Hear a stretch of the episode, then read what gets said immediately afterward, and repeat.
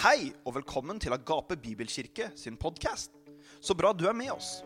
Her kommer du til å høre undervisning fra kirken, og uansett hvor du er, så håper vi dette budskapet vil inspirere, oppmuntre og velsigne deg. Men først, sjekk oss ut på Instagram, Facebook og på agapebibelkirke.no. Her er siste gudstjeneste fra Agape. Fantastisk. Misjon er jo en del av hva skal jeg si, hjertestrengene i menigheten. Og som jeg har sagt flere ganger gjennom denne serien her, hvis ikke troen blir praktisk, så blir vi rare teologer. Troen vår trenger alltid å være praktisk. Troen du har, trenger å være praktisk hver eneste dag. Jeg tror også kristne havner på en plass hvis ikke det blir praktisk at kristne begynner å kjede seg. Så spørsmålet er kjeder du deg. Hvis det svaret er ja, ok, da er ikke troen praktisk. Men vi skal dele ut fra det her i dag. Jeg gleder meg veldig. Vi skal ta siste del da, dag, We Get To Serve, som vi fikk fra Trimsenteret. Sitt eh, visjon og hjerte står bak, er We Get To Serve. Vi får lov til å tjene. Og det er så fantastisk. Det er mye bedre å tjene ut fra motivasjon. At wow, jeg får lov til å tjene Gud, istedenfor at eh, jeg føler at jeg bare må tjene Gud. Men vi får lov til å tjene. Og den tjenesten flyter ut av relasjon med Jesus selv. Så fordi at vi elsker han, men først fordi han elsket oss først, og så at vi elsker han, så vil vi tjene han. Det er faktisk veldig sånn at Brenner du for Jesus, har du passion, er du lidenskapelig og har hjertet ditt i fyr og flamme, så vil du ikke noe annet enn å tjene han. Det er faktisk så enkelt som det. Når troen ikke er praktisk, så hender det at vi blir opptatt med feil ting, og ting i hjertet vårt slokner og alt det der. Så er du klar? Det er fire personer og én rakk opp hånda. Ok. Er du klar? Yes. Hvis ikke, så, Den som svarer minst, har meldt seg på misjonstur neste år. Med mindre du eh, vil veldig gjerne på misjonstur. Da må du svare mest. Så. Nei, vet du hva? Det er veldig herlig. Men gjennom serien bare for å oppsummere, så har vi snakket om det her, om hvordan vi kan tjene. Og at tjene er egentlig et respons til et behov. Så når Gud gjør noe så, så Det er veldig interessant veldig mange ganger. Veldig ofte når vi tenker at Gud skal gjøre noe, så ser vi på, ser vi på himmelen så venter vi på et eller annet skal bare manifestere seg.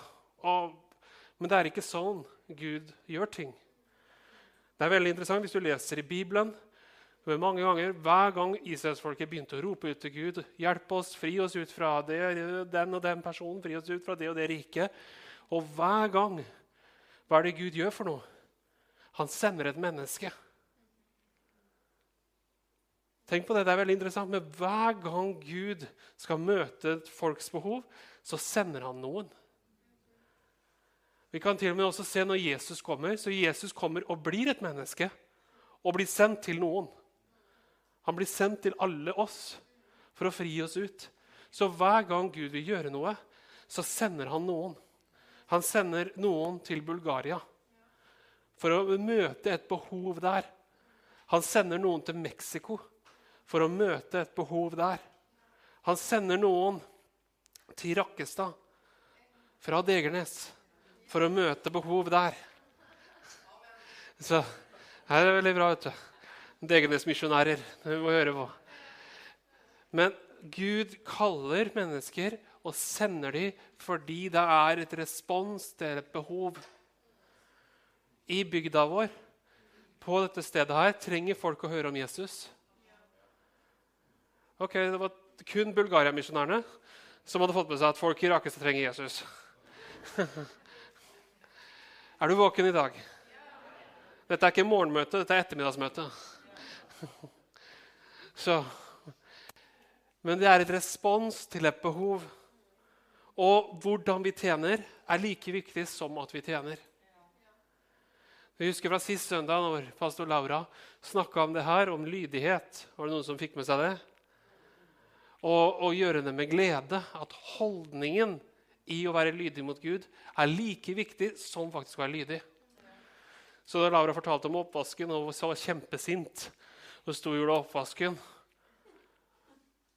Og så sier mamma til Laura du var ikke lydig. Og Laura ble, gikk jo enda sintere. Hva snakker du om? Jeg gjorde det du ba meg om. Men holdningen var feil. Tjeneste er ikke bare hva vi gjør i det ytre, men det er hva som skjer på innsiden av oss. We, we get to serve. Og vi tenker på det, vi får lov å tjene.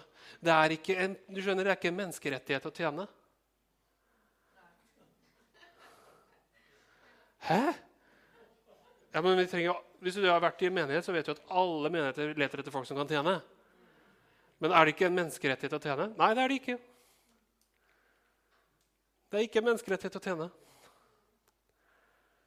Vi får lov å tjene. Det er en velsignelse, det er en ære, og det er et privilegium. I hvert fall hvis du vil tjene Gud, så må det være han som skal velge hva du skal gjøre. Nei, men 'Jeg har jo lyst til å gjøre det her.' Ja, men det handler ikke om deg. Det er det som er så fantastisk og nydelig med å tjene. Når du tjener, og du er et respons til et behov, så handler det ikke om deg. Men det handler om hvem du skal tjene. Er du glad i meg denne dagen her? Vi er bare på, på Gardermoen og skal opp nå. du får bare henge i. Så Men vi kommer tilbake til det her, ikke sant? at tjeneste handler ikke om oss sjøl. Det, det, er ikke vår selvrealiseringsplan innenfor Kristi kropp. At eh, jeg, jeg har møtt så mange som sier Gud har kalt meg til å preke. Ok, Hvorfor det? Nei, fordi jeg ser meg sjøl på en stor scene. Det er, ikke, det er ikke det det handler om. Det er ikke det det handler om. Du skjønner det, Hvis du skal stå på en stor scene, så må du også kunne si noe vettig òg. Det er ikke bare å stå på en stor scene. Unnskyld. Men jeg har sett så mange som drømmer om det fordi det virker glamorøst. Det virker så spennende å ha den og den tjenesten, og mange sier 'wow'. Nei, vet du hva? Tjeneste handler ikke om deg, det handler om den du tjener. Det handler om han du tjener, og folket han har sendt deg til. Er ikke det fantastisk? Når Jesus kommer, han legger ned sitt liv for oss. Og han gjør det. Det er ikke et øyeblikk han sier 'Her er jeg. Hoho. Vet du hva? Han er Guds sønn, og han er den som gjør minst big deal ut at han er Guds sønn. Han kommer som et menneske. Eneste som hadde rett til å skryte på at han var noe. Han skryter ikke i det hele tatt. Og han har ett fokus. Det er å tjene mennesker. Elske de, frelse de. Og du kanskje tenker at, vet du, hva, tjeneste, at vet du hva, noen ganger er tjeneste alltid behagelig, folkens. Dem som har vært på misjon, snorter høyest. Men det er noe med det. Det er ikke alltid behagelig. Og du kan tenke at noen ganger så blir det på engelsk det blir messy. Ikke, ikke, ikke fotballspilleren. Men det, det, det blir kaos noen ganger. Det blir rotete. Ting kan bli litt vilt. Og det er ukomfortabelt. Men tenk på Jesus. Som Paulus sier, han sier, tenk på Jesus. Tenk på han. Som tok på seg all vår synd. Det var ikke mye komfortabelt, det, altså. De tinga du og jeg har messa opp skikkelig, de tok han. Og så dør han for oss. Er det én som virkelig tjener, så er det Jesus. Og det her er kanskje noe som er radikalt for noen kristne å høre. for jeg vet Det religiøse i oss noen ganger liker ikke å høre det. Men hør nå. Gud kom og tjener mennesket. Hæ? Gud tjener mennesker, Men Gud er allmektig. Det er kongenes konge og herrenes herre. og han, Det er jo vi som skal tjene han. Men så kommer Jesus og tjener oss. Jesus kom og tjente. Ikke, men ikke bare for at han ville tjene oss, fordi jo, han elsker oss alltid, men også så viser han oss hvordan vi skal leve.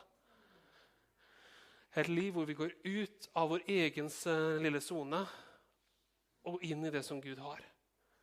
Og hver gang Gud eh, vil gjøre noe, så sender han en deg til en annen person. Du vet, Det er, det er ingen tjeneste som eh, handler om isolasjon. Du vet, jeg, Har du hørt det, kristne? Ja, men du skjønner, jeg er kalt til å be i isolasjon. Ja, men du ber da for andre. Det handler ikke om deg. Det handler om å tjene andre.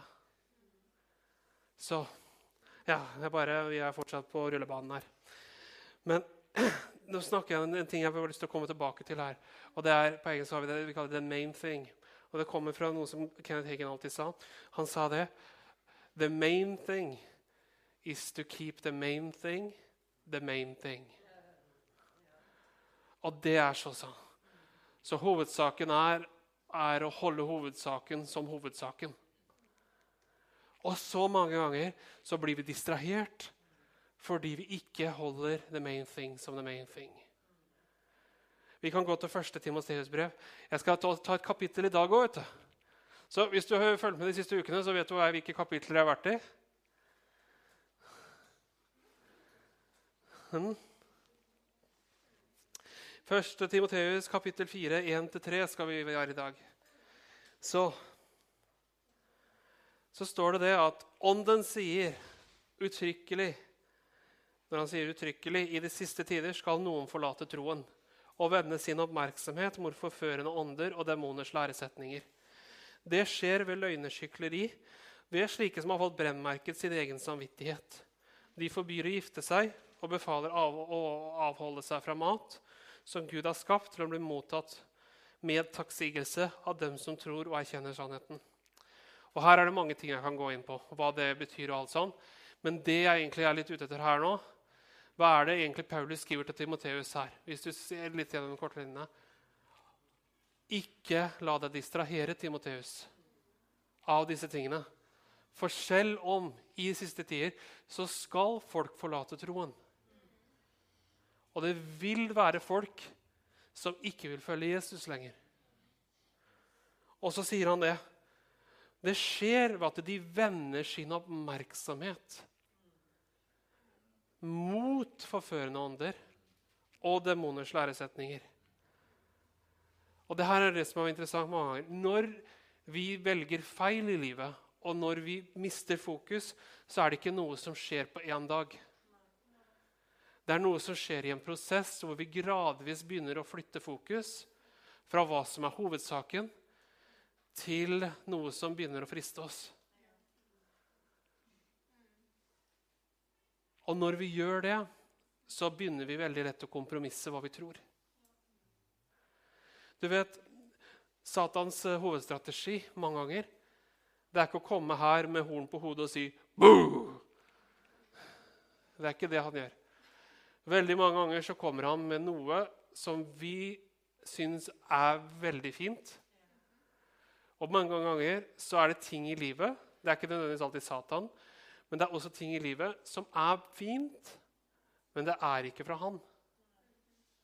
Og så begynner det å dra på oppmerksomheten vår. Og når det begynner å dra på oppmerksomheten vår, så merker vi det ikke.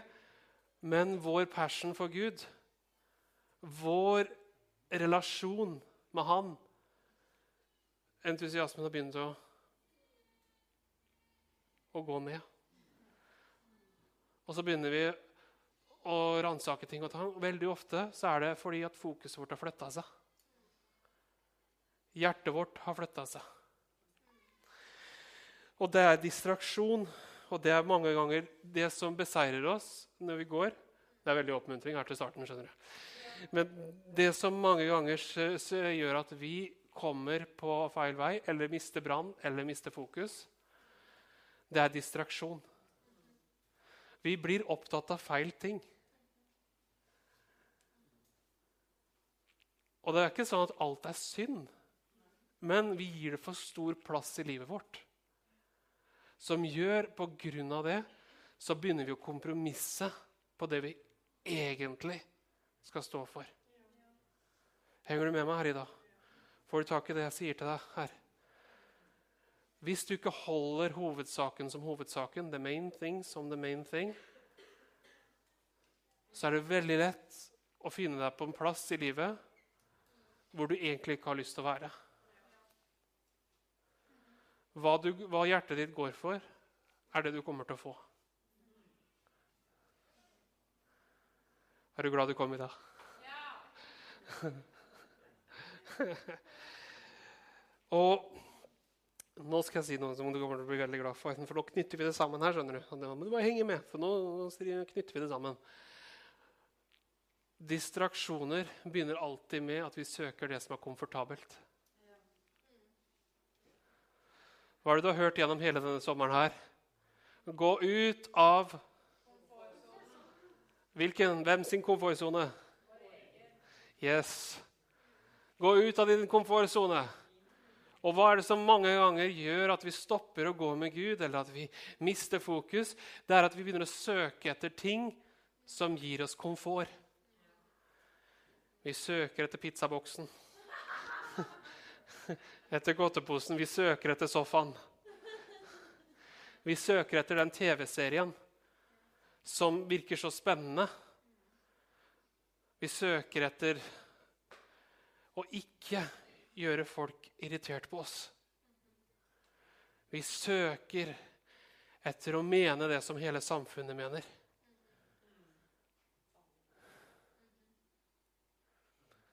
istedenfor å gå den veien vi skal, og stå på ordet.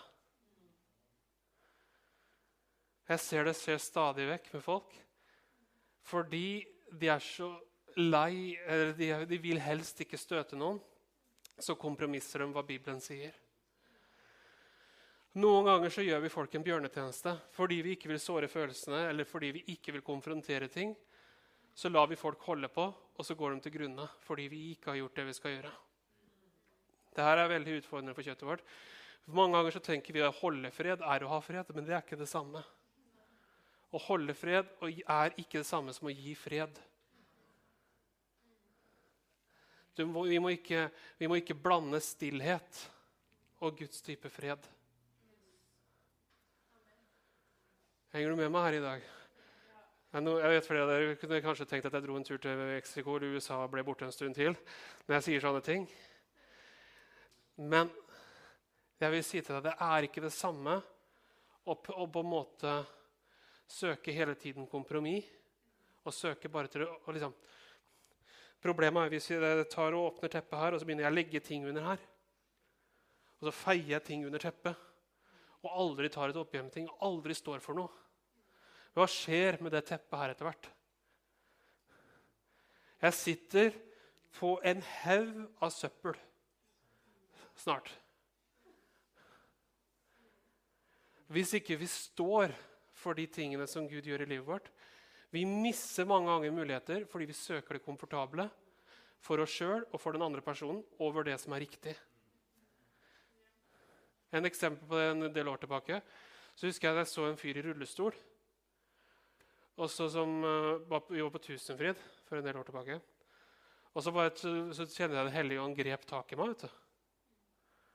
Men problemet var på Tusenfryd, det var masse folk der. Og Så sa han du skal, gå, du skal dra han opp av rullestolen. Og vet du hva jeg tenkte? Det her Nei, det her kan jeg ikke gjøre. Og så drev jeg hadde en lang argumentasjon med Gud. Har du hatt det før? Du har en sånn lang krangel inni hodet ditt med Gud og du bare prøver å virkelig få fram poenget ditt, at det her er jo så reasonable, Gud. Vi må jo gjøre det på samme måte. Jeg kan ikke se på alle de folka her. Hva hvis jeg drar han ut, og han Ikke sant? Da, da svarte jeg jo deg, Gud. Ikke sant? Jeg tenker på Guds rykte. Jeg var ikke tenkt på Guds rykte, men mitt rykte. og vet du hva? Jeg, jeg feiga ut den dagen. Men Gud han gir seg ikke. Så det var et sånn tidspunkt senere hvor jeg var på et sted og preka. Og så var det en mann som ikke hørte på ene øret. Så sa han 'smekk den på øret'. Og jeg bare 'Nei, det kan jeg ikke gjøre'. Og så holdt jeg på på Gud. da. Jo. Og så kom jeg opp sånn. Jeg smekka den på øret, og det var sånn lyserødt. Det, bare, det så, Og han og han, huet hans gikk og så, og så begynte han å grine. Sånn tårer kom. Så tenkte jeg å nei. Nå så. Så sa han, 'Jeg hører'. Jeg hører, sa han. Og så skjønte jeg en ting da. Hvis jeg søker mitt komfortable Og det handla ikke om den. Det handla ikke om den, men det handla om én ting. Var jeg villig til å gå ut av min komfortsone for å møte et annet menneske? Jeg tenker på det når jeg leser i Bibelen. Jesus spytter i leire, tar sand og putter i øya på en blind mann. Og han gjør det to ganger. For første gang så ser han ikke noe. Han ser bare sånne skygger. Og du kan tenke deg nei, det her går ikke an. Veldig mange ganger fordi hodet vårt er på en sånn måte vi vil ikke støte noen. Vi har programmert hodet vårt til å ikke støte noen. Så argumenterer vi oss sjøl ut av Guds kraft. Og så ber vi, Herre, jeg vil se mer. Bruk meg. Gjør mer i mitt liv. Og hver gang så argumenterer vi oss ut av det. Ja, men det er ikke sånn. Jeg vil ikke ha det sånn. Jeg vil ha det komfortabelt. Ja, men da ser du ikke Guds kraft. Hallo. Vi så det i Mexico òg. Noen ganger er det fryktelig ukomfortabelt å gjøre Guds vilje.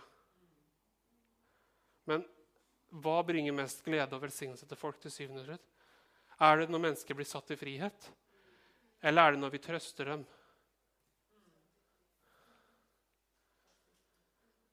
Jeg vet jeg er skarp nå. Og det, Målet mitt er ikke at du skal gå rundt og bam og Men når Den hellige ånd utfordrer deg, så, så er det handler om én ting. At du responderer til han.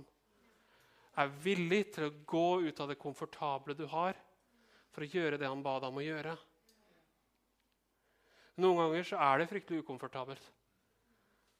Men er vi villige til å gjøre det?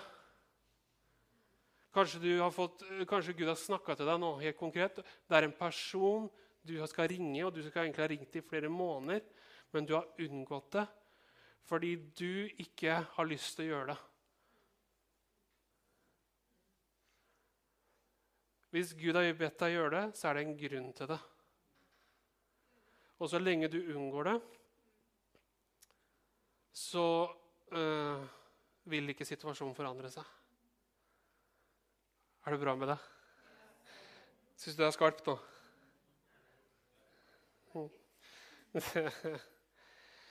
Men er du villig til å gjøre det han ber deg om? Sist uke så snakka vi om det her med å glede seg uansett omstendighet. At glede er ikke bare en følelse, men det kommer ut av vår relasjon med Jesus. Og at lydighet har også med det å gjøre. Og lydighet er en frukt av vår relasjon med Jesus. Og Gud kaller oss til å være lydig. Og Gud kaller oss til å våge å gå ut av komfortsona vår her. Det her er veldig spennende å følge Den hellige ånd. Men hvis vi har lyst til å leve det type gudslivet hvor vi ser mirakler, hvor vi ser ting som skjer Hvor mange av dere har lyst til å leve det her? Jeg håper det er mer enn to personer nå som rekker opp hånda. Hvor mange, har, hvor har lyst til å leve det livet som Gud har for deg? OK, gjør deg klar til å bli ukomfortabel. Noen av de morsomste bønnene jeg har bedt noen gang, var å si Herre, se meg til den som trenger det mest. Og du får bønnesvar. Så vi endte opp på en sånn der, en klubb hvor det var fullt av satanister. Og skulle dele evangeliet med dem. Og så sa hvem er dere? Er vi er kristne. Kristne! Vi hater kristne! Det var åpningslinja. liksom. Og tenkte nå dør vi. Om ikke de ble frelst, så dør vi. Midt på natta. Og fikk vitne for dem. Altså, Du får bønnesvar, og det er behov. Men du blir trygg òg. Når du går i Guds vilje, så er du trygg. Det er det som er så fantastisk. skjønner du. Ingenting er så hva skal jeg si, eh, ydmykende som å pushe ting i kjøttet. Men ingenting er mer velsigna enn når du går på Guds ord og gjør det han har bedt deg gjøre. Sånn som nå, Vi har jo fantastiske mirakler. altså jeg har hørt om så mange ganger av folk som drar i tro uten visum. Og tenker han, det, det kan vi ikke gjøre, det er ikke logisk. Og så sitter vi og argumenterer oss ut. Altså, hvis Gud har sagt 'gå', da må du finne ut hva Gud har sagt. Jeg sier ikke at du skal dra til land uten visum. Det er ikke det jeg sier til deg nå. Jeg sier hva har Gud sagt. Men f.eks. familien til Laura, når de skulle inn i Kirgistan under covid, Grensa mellom USA og Mexico er stengt. De møtte opp på grensa til USA. Og hvis du har fulgt med noe i nyhetene, så vet du hvordan amerikanere ser på folk som krysser den grensa. Og møte opp der på grensa med et team på seks stykker og si 'Hallo! Vi skal til Los Angeles, og vi skal fly!' og Hvis du har kryssa den grensa, så vet du hvordan amerikanerne er. De screener alt. Og det var bare ikke snakk om. De skulle ikke gjennom. Altså bare, Nei da, vi skal gjennom. Og til slutt så slapp de dem gjennom. Så dro de til LA, og så fløy de fra LA til Dubai. Så kom de til Dubai, så var det ikke visum for Kirgisistan. Og igjen Nei da, vi setter oss på fly. Og Kirgisistan er majoriteten muslimer. Og du skal komme der for å jobbe med en menighet. En kristen menighet. Og setter seg på fly og flyr til Kirgisistan. Og kommer inn uten, uten visum. Skal jeg si med David? Vi fikk ikke med David visum på meksikanske ambassaden, så vi sendte han i tro. Så kom han til grensa til Mexico. Så sa han, 'Hei, jeg er her for å tjene i menighet.' Så fikk hun bare visum der og da. Noen ganger så må du gjøre disse stegene selv om de ikke gir mening. Jeg utfordrer deg litt her i dag. At det er ikke sånn at Gud alltid passer inn i den norske boksen. At uh, Gud følger papirarbeidet til uh, skatteetaten Nav og alt sånt. Vi skal følge lovene, men Gud er så mye større enn de. Og han er mektig til å snu alle disse papirverkene rundt uten at det til og med har en rasjonell forklaring. Vi trenger ikke å ha en rasjonell forklaring på alt. Den eneste forklaringen vi holder, er at Gud har sendt oss. Og vi får lov å tjene. Vi får lov å gå med Han. Og Kanskje Gud har sagt til deg denne sesongen her, så skal du tjene på et område du aldri kunne tenkt deg å tjene i.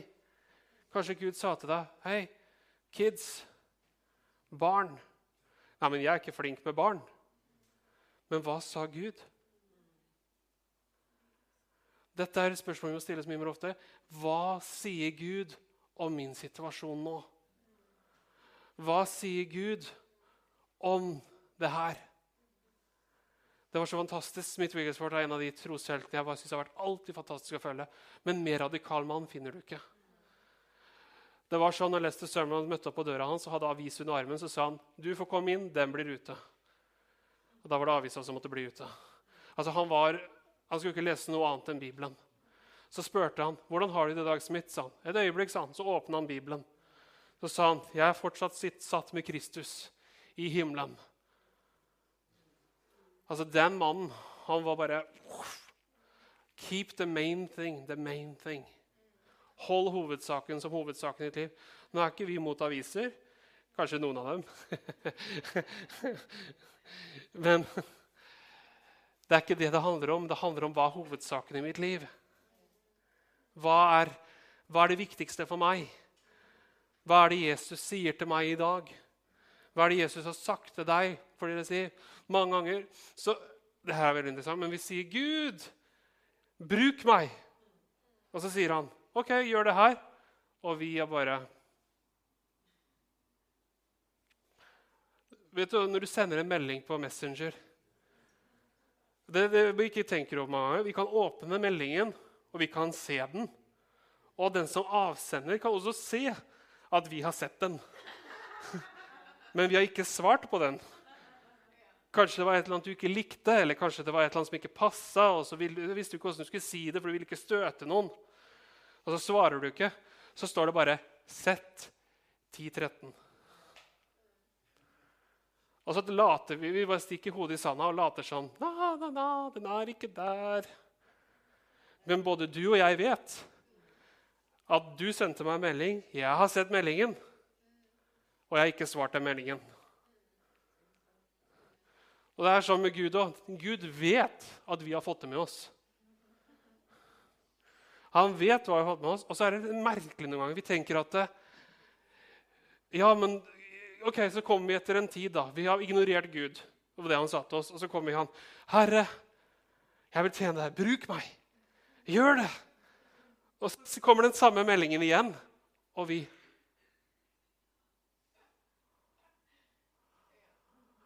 Og så sett 11.53. Og så kommer vi noen uker senere. 'Å, Jesus, jeg vil tjene deg.' Si hva jeg skal gjøre. 12.05. Kommer det samme igjen.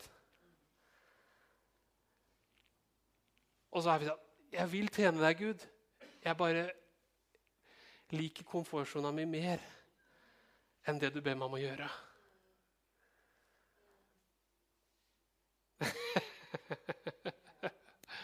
vi er alle mennesker, OK? Jeg har også valgt komfortsona mi over det ukomfortable noen ganger. Men når jeg gjør det ukomfortable, så lever jeg i velsignelse. Og når jeg lever der og begynner å tjene andre og får blikket bort fra hva jeg, hva jeg er opptatt for meg sjøl, og begynner å se andre, da er jeg der som Gud vil ha meg. Og når jeg er der Gud vil ha meg, det er da jeg har glede, det er da jeg har fred, det er da jeg har alt det jeg trenger i Den hellige ånd. Men så lenge jeg driver der og sitter og jeg vil ikke gjøre det her, Gud, og driver sånn, så stopper det mange ganger opp. Har du merka det? Har Gud bedt deg noe du ikke har gjort? Hva skjer da? Ingenting. Vet du hvorfor det? Av deg og Gud så er det du som har dårligst tid.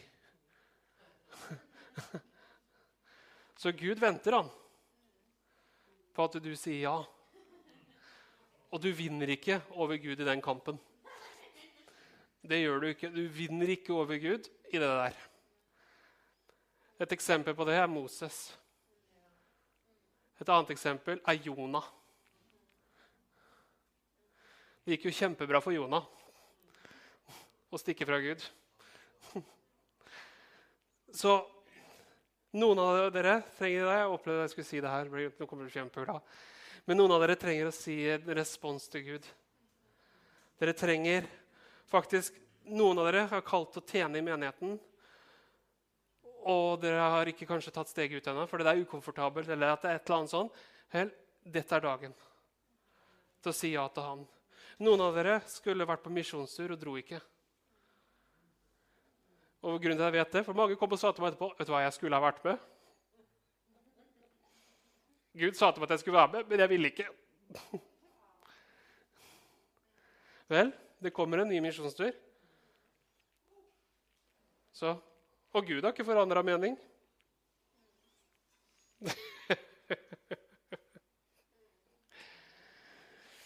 yes. Noen av oss er kalt til å gi, begynne å gi som vi ikke har gjort. Vi er kalt til å begynne å dele evangeliet med andre. Altså, Uansett hva det er, vær villig til å ta steget ut og si, 'Nei, Jesus, nå vil jeg gjøre det du ber meg om.' 'Her er jeg. Send meg.' Og men det. Der kommer Vi til det vi kan lese i 4-11 her. For all Guds skapning er god, og ingenting skal forkastes hvis de blir tatt imot med takksigelse. For de blir helliget ved Guds ord og bønn. Hvis du pålegger søstrene dette, er du en god Jesu Kristi tjener, som nærer seg av troens ord og den gode lære som du nøye har fulgt. Men forkast de verdslige, kjerringaktige eventyr. Ja Det, det, det finner ikke på. Og åpne deg til gudsfrykt. For kroppslig øvelse er nyttig til noe, men gudsfrykt er nyttig til alt. Og den som har løftet, både for det livet som er nå, og for det som skal komme. For dette er et troverdig ord, fullt og verdt å ta imot. For det eh, er mot dette mål vi arbeider og lider hånd, for vi stoler på den levende Gud, Han som er frelse for alle mennesker, og særlig for den som tror. Befal og undervis dette. 4-11 leste jeg nå. 4-4-4-11. Du kan lese det igjen mens jeg bare går her. Men Paulus han oppmuntrer jo, disse brevene er sendt til Timoteus. Og på mange måter så, så Paulus på Timoteus som sin åndelige sønn. Paulus fant Timoteus og tok han med i misjonsteamet, og de reiste sammen rundt. Men samtidig også så fikk Timoteus lederskap over disse nye menighetene. Og Paulus noen ganger ville la noen av teammedlemmene bli igjen i et bestemt område for å sette menigheten på plass. For det var mange som ble frelst. og Det var, som, altså, det var jo ikke sånn at det var noe pastorutdannelse eller noe sånt på den tida der. Her var evangeliet frelst ut, og det var første gang de hørte dem, og så kom de til å tro på Jesus. Og da måtte bli der noen fra misjonsteamet til Paulus. Så Paulus reiste med et stort team rundt seg. Og De reiste rundt og planta menigheter, betjente de eksisterende menighetene og fulgte opp. Og Her ser vi at Timoteus blir igjen for å betjene. Og så skriver Paulus til Timoteus. Og han oppmuntrer han seg til én ting først.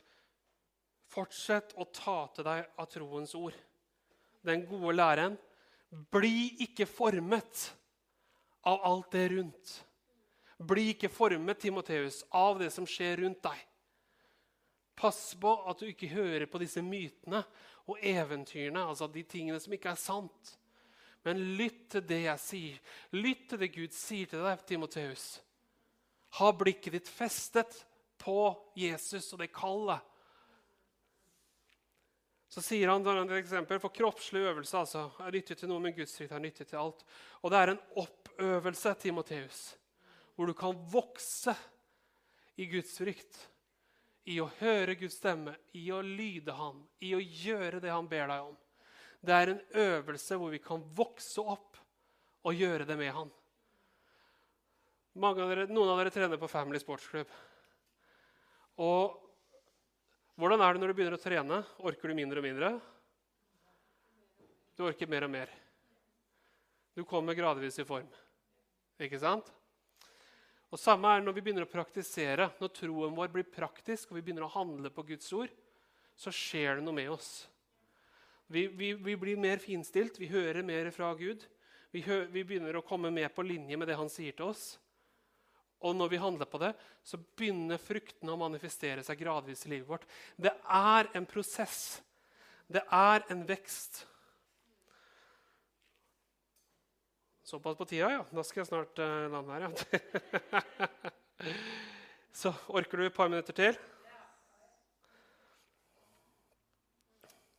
Så hm. Ja. Men det kommer ned til det her. og la, som eh, Paulus sier til Timoteus, la troen vår være praktisk. Og la den komme til det punktet at vi velger å ta steget ut og si 'Yes, Jesus'. Jeg vil følge deg uansett.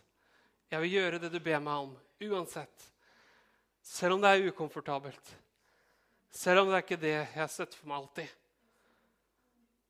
Og Vær villig til å tjene Han. Og så vil jeg bare lese de siste fire versene, for det er veldig herlig. og Det blir brukt veldig mange når vi tenker på ungdomsarbeid. Men jeg, du vet, det er ikke tegn på ungdomsarbeid når det var skrevet. Det er til alle oss som troende, det som også vi kan ta herfra.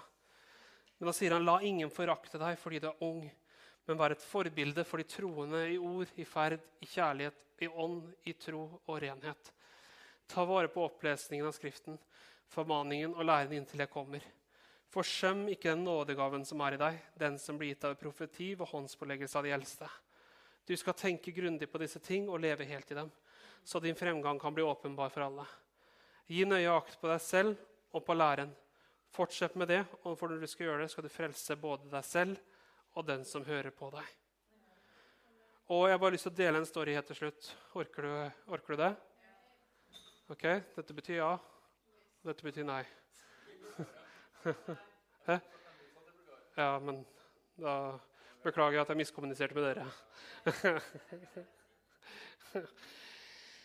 men det er så mange lett, og jeg husker disse versene her. Eh, jeg har lest de mange ganger opp og gjennom. Men det er noe som Paulus sier her. La ingen forakte deg, eller la ingen avvise deg fordi du er ung. For Timoteus var ung. Og Vær et forbilde, Timoteus, i hvordan du lever, i hva du gjør, og, og hvordan du tilber. Timoteus, ta vare på, på hjertet ditt. Det er det Paulus sier her. Og så kommer han til det poenget som jeg syns er så fantastisk her. Gi nøye akt på deg sjøl. Fortsett med det. Og når du gjør disse riktige tingene, Timoteus, så skal du høste.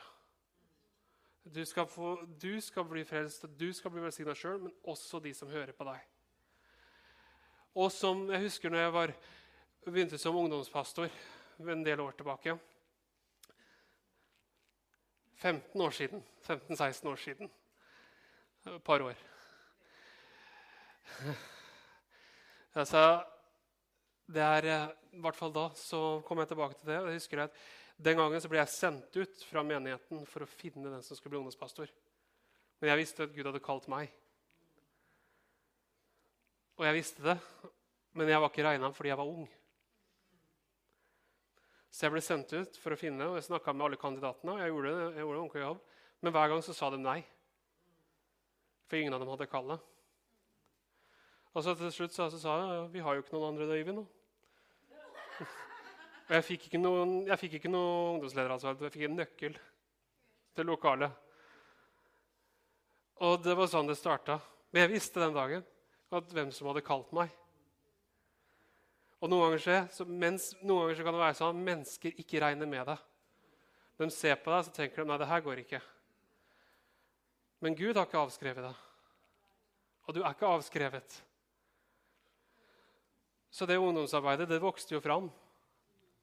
Og det ble jo et levende miljø med mange ungdommer. Men det begynte med én ting. Hva sa Jesus? Og han la det på hjertet mitt allerede før det. Og så var jeg kirkeplanter jeg var 22 år. Hjalp ikke det heller.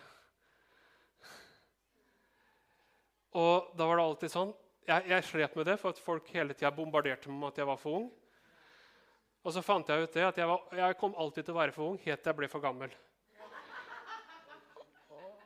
Og da gadd jeg ikke å høre på hva folk sa mer.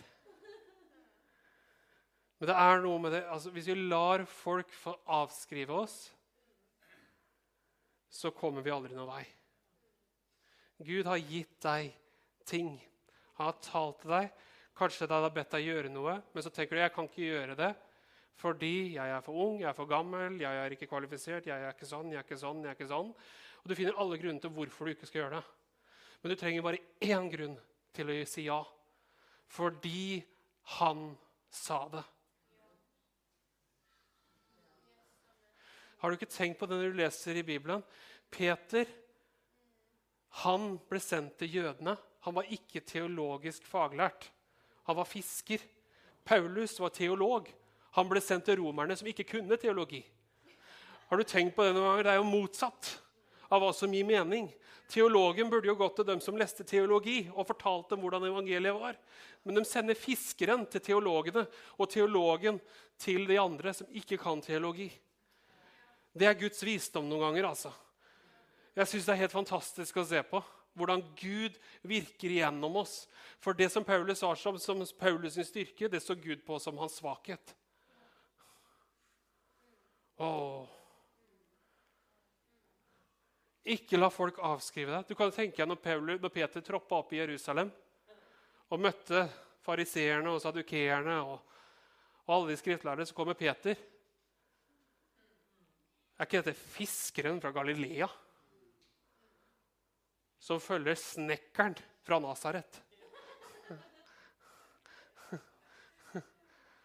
Det var jo et hån for jødene at det kom en fisker og ledet menigheten i Jerusalem. Så du kan tenke deg på den, Jeg sitter her fantastisk og leser og ser på meg hvordan situasjonen er. I Jerusalem du har det teologiske eh, fakultetet der, hvor de er så opphengt i loven. Og I den tida så lærte alle loven utenat. Det var ikke bare sånn at du leste Bibelen en casual en gang i halvåret. Nei, De kunne den utenat. Alle som bodde i det der. Så kommer Peter og leder en menighet på over 3000 mennesker i Jerusalem. Det er bare Gud som kan gjøre sånn. Men Peter måtte si ja. Og jeg er helt sikker på Når Peter gikk på vannet den gangen han møtte Jesus ut på vannet, det var forberedelse for det. For jeg er helt sikker på at når Peter var i Jerusalem, så gikk han fortsatt på vannet. Så vi må si ja. Vi må velge å si ja. Altså, la ingen forakte deg, la ingen avskrive deg, la ingen avvise deg. Fordi det er sånn og sånn og sånn. Har Gud gitt deg det? Våg å si ja. Nå har jeg prekt lenge i dag. Jeg ble mye på inspirasjon her òg, så det er herlig. Men det er Ja. Men jeg tror altså gjennom denne serien her, så tror jeg også Gud har talt til deg gjennom disse søndagene du har vært her. Og Gud har sagt til deg kanskje at du skal gjøre noen justeringer i livet ditt. Kanskje du skal ta steget ut og si vet du hva, jeg skal tjene. Kanskje du ikke har tjent ennå. Men da vil jeg anbefale deg å, å utfordre deg på det. Si ja til den tjenesten. Hva er det Gud har sagt til deg i den tiden som er nå? Det han har sagt til deg, er det du skal gjøre. We get to serve. Vi får lov å tjene. Amen. Far, jeg takker deg og priser deg for det du har gjort gjennom denne serien. her, At vi har kunnet bare få lov til å høre om hvordan vi får lov å tjene deg. Men hvordan, far, at, hvordan du vil tjene gjennom oss. Og at det handler ikke om oss sjøl, men det handler om de menneskene du vil nå. Jeg ber for det, far, og jeg takker deg at vi sjøl blir også velsigna når vi er med og velsigner andre. Vi sjøl blir løfta når vi er med og løfter andre. Og Jeg takker deg for det, far, at du har talt til hver eneste av oss. Jeg takker at våre vår hjerters respons skal være ja, amen, til Guds ære. Jeg takker deg for det, far. Så priser vi deg for denne dagen her i dag, i Jesu Kristi navn. Takk, Herre. Takk, Jesus. Tusen takk for at du var med oss i dag. Vi vil gjerne høre fra deg og vite hvordan vi kan be for deg. Ta kontakt med oss enten via sosiale medier eller på nettsidene våre, så håper vi at vi ses ganske snart.